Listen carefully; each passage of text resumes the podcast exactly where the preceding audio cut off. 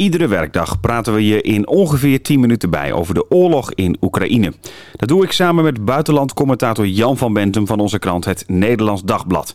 Mijn naam is Marien Korterink en dit is de update van maandag 28 maart. Alle achterblijvers in Mariupol moeten worden geëvacueerd. Dat heeft de burgemeester Vadim Boychenko vanochtend gezegd. Volgens hem staat Mariupol aan de rand van een humanitaire catastrofe. De grofweg 160.000 burgers die nog in de zuidelijke havenstad zijn, die zitten voor een groot deel zonder stroom, gas en telefoon- en internetverbinding. En de onderhandelingen tussen Rusland en Oekraïne gaan vandaag verder in Istanbul. De verwachting is dat de gesprekken tot en met woensdag duren en de Turkse president Erdogan treedt op als bemiddelaar. Rusland heeft aangegeven zich vooral te willen richten op de Donbass en president Zelensky van Oekraïne heeft al aangegeven dat hij bereid is om te praten over een neutrale status voor zijn land. Ook zou hij bereid zijn te praten over de onafhankelijkheid van de Donbass-regio. En mede naar aanleiding van die geluiden praat ik vandaag met Jan Door over het eventuele splitsen of verdelen van Oekraïne. Maar eerst moeten we het toch even hebben over Joe Biden. Die beging een blunder afgelopen weekend, hè? Ja en nee. Ehm, die woorden waren natuurlijk in Oost-Europese landen, waar hij ook was. Hij was in Polen. Daar sloegen ze enorm aan. Want hij gebruikte ook woorden die al eerder waren gebruikt in de strijd van Polen in de 17e eeuw tegen Rusland. Dus dat waren, daar zaten ook historische notities in. Eh, hij herinnerde hen aan die tijd.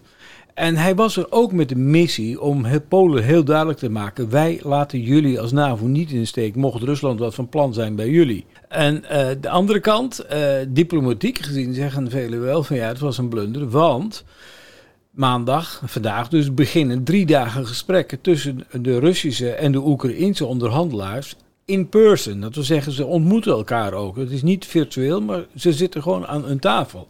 Dan is het geen handige zet als uh, de uitspraak van mijn hemel, die man die zou niet aan de macht moeten blijven. Uh, in Rusland wordt geïnterpreteerd als die moet van het Kremlin worden verdreven. Je zou dus kunnen zeggen, de, de partijen die bedreigd worden hè, in de omgeving liggen van hè, Polen, uh, ja. Moldavië, bij wijze van Roemenië, die zijn er blij mee. Ja. Maar voor de onderhandelingen is het geen goed nieuws. Nee, alle Oost-Europese lidstaten van de NAVO zijn heel blij met dit soort uitspraken.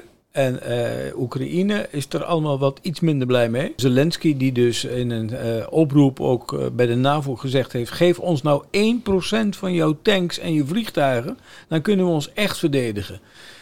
nou, dat gebeurde dus ook niet. Die, die, en, en nu had hij heel vergaande aanbiedingen aan Rusland gedaan voor die onderhandelingen eigenlijk. Hè, vooruit, vanuit Oekraïne gezien heel vergaande tegemoetkomingen. Ja, want daarover gesproken, de laatste dagen horen we meer en meer geluiden over het opsplitsen van Oekraïne. Zelensky is bereid te praten over de Donbass, werd gezegd. Waar komen die geluiden ineens vandaan?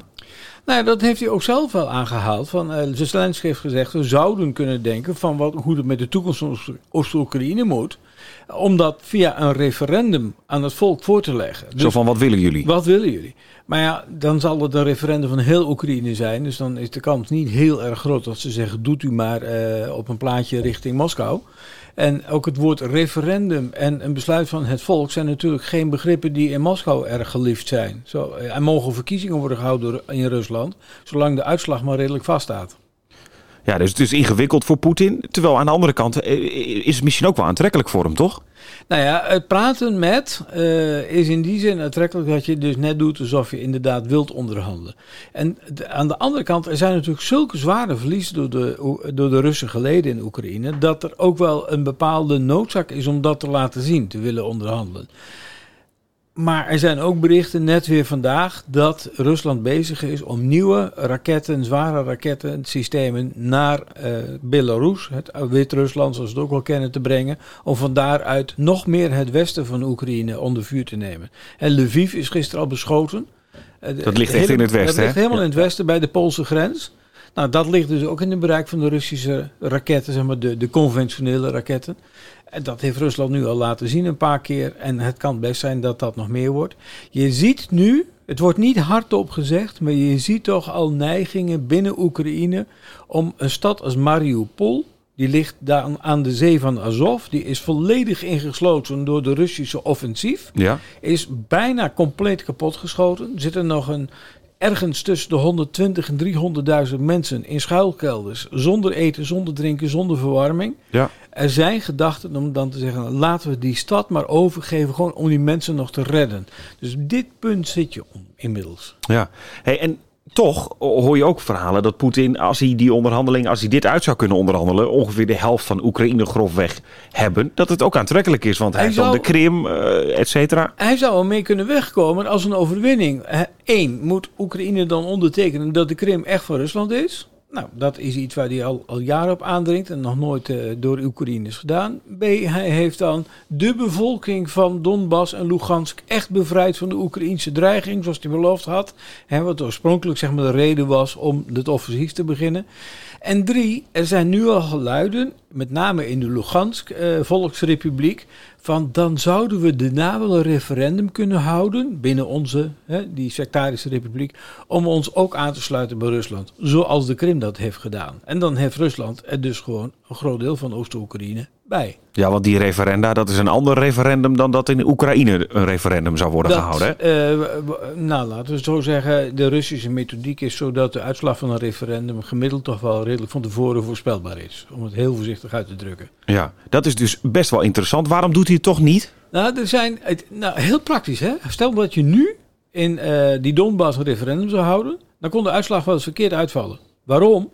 Er zijn naar schatting al 400.000 mensen daar geëvacueerd voor de gevechten naar Russisch gebied. Dus die zitten in Rusland.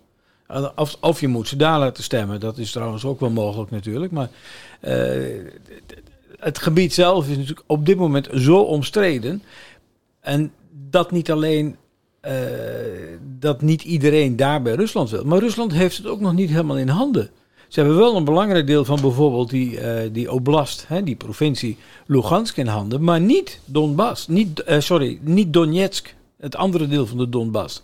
Daarvan hebben ze nog maar een 40% in handen en de rest is nog steeds in handen van Oekraïne.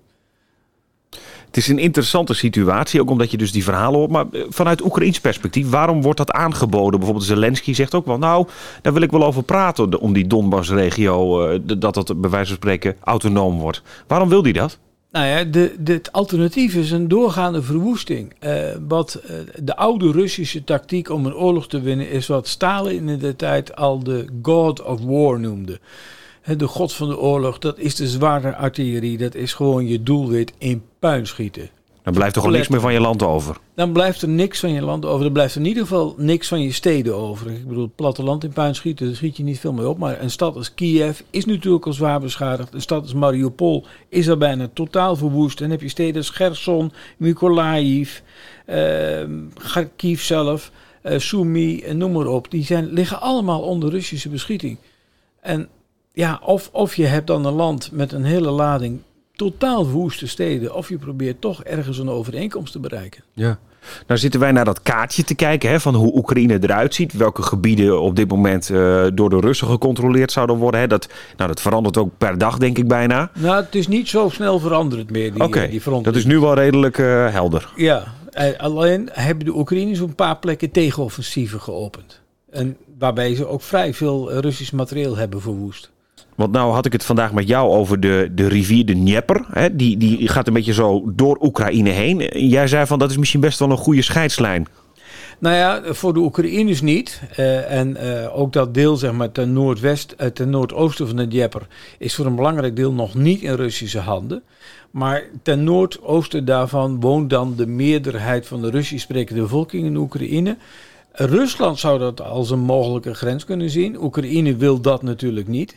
Maar het, als je dan naar het zuiden meer gaat, dan zie je dat de Dnieper naar de kust gaat. Nou, daar zou het in de buurt van de grenslijn kunnen komen. En, voor Rusland is het ook belangrijk, daar loopt het kanaal van die rivier naar de Krim. Wat een hele belangrijke voorziening van water voor de Krim was, totdat Oekraïne die heeft afgesloten. Sinds dat moment, en dan praat je over x aantal jaren geleden al, ergens rond 2015, 2016, heeft de Krim een heel groot waterprobleem.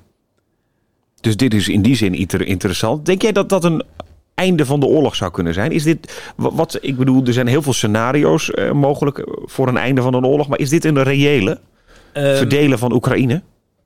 Het is, het is praktisch gezien een, uh, iets reëels, maar aan de andere kant, er is zoveel verzet geweest binnen Oekraïne nu, dat de mensen het daar niet makkelijk zullen accepteren. Alleen zeg maar wanneer het alternatief, het alternatief totale verwoesting van je belangrijkste steden is, zullen ze dat wellicht voorlopig willen slikken. Misschien met in het achterhoofd de gedachte, ooit is er een andere leider in het Kremlin, ooit kunnen we misschien weer normaler praten en kunnen we dit terugdraaien. Maar het lijkt er nog niet op dat de NAVO wil helpen om bijvoorbeeld een stad als Mariupol of Kiev te beschermen. Dus dan lijkt het die kant wel op te gaan, dat het anders kapot gaat. Voor sommige steden lijkt hij die kant op te gaan op dit moment, ja. Maar dan ook om de, in die zin van dat er bijna geen stad meer over is. Mariupol bijvoorbeeld is, is voor een belangrijk deel weg. Maar eh, besef wel dat dan ook Oekraïne een, een de toegang tot de zee van Azov compleet kwijt is. En Rusland die hele kustlijn in handen heeft. Vanaf zeg maar de Rostov-on-Don, de andere belangrijke rivier, helemaal die noordwestenkust van de zee van Azov is dan tot en met de Krim toe in Russische handen. Dus daar kun je geen handel meer drijven, daar kun je geen graan meer transporteren. De helft van de Zwarte Zeekust van Oekraïne is ook al in Russische handen. En als ze Odessa ook nog te pakken zouden krijgen, en Mykolaiv valt... Dan heb je eigenlijk gewoon die hele kust. Dan heb je de hele kust van zowel de Zee van Azov als de Zwarte Zee in Russische handen. En dan kun je alleen nog graan exporteren per trein of per vrachtauto. En ja, die enorme hoeveelheden graan die Oekraïne altijd verkocht en andere landbouwproducten, dat doe je toch per schip.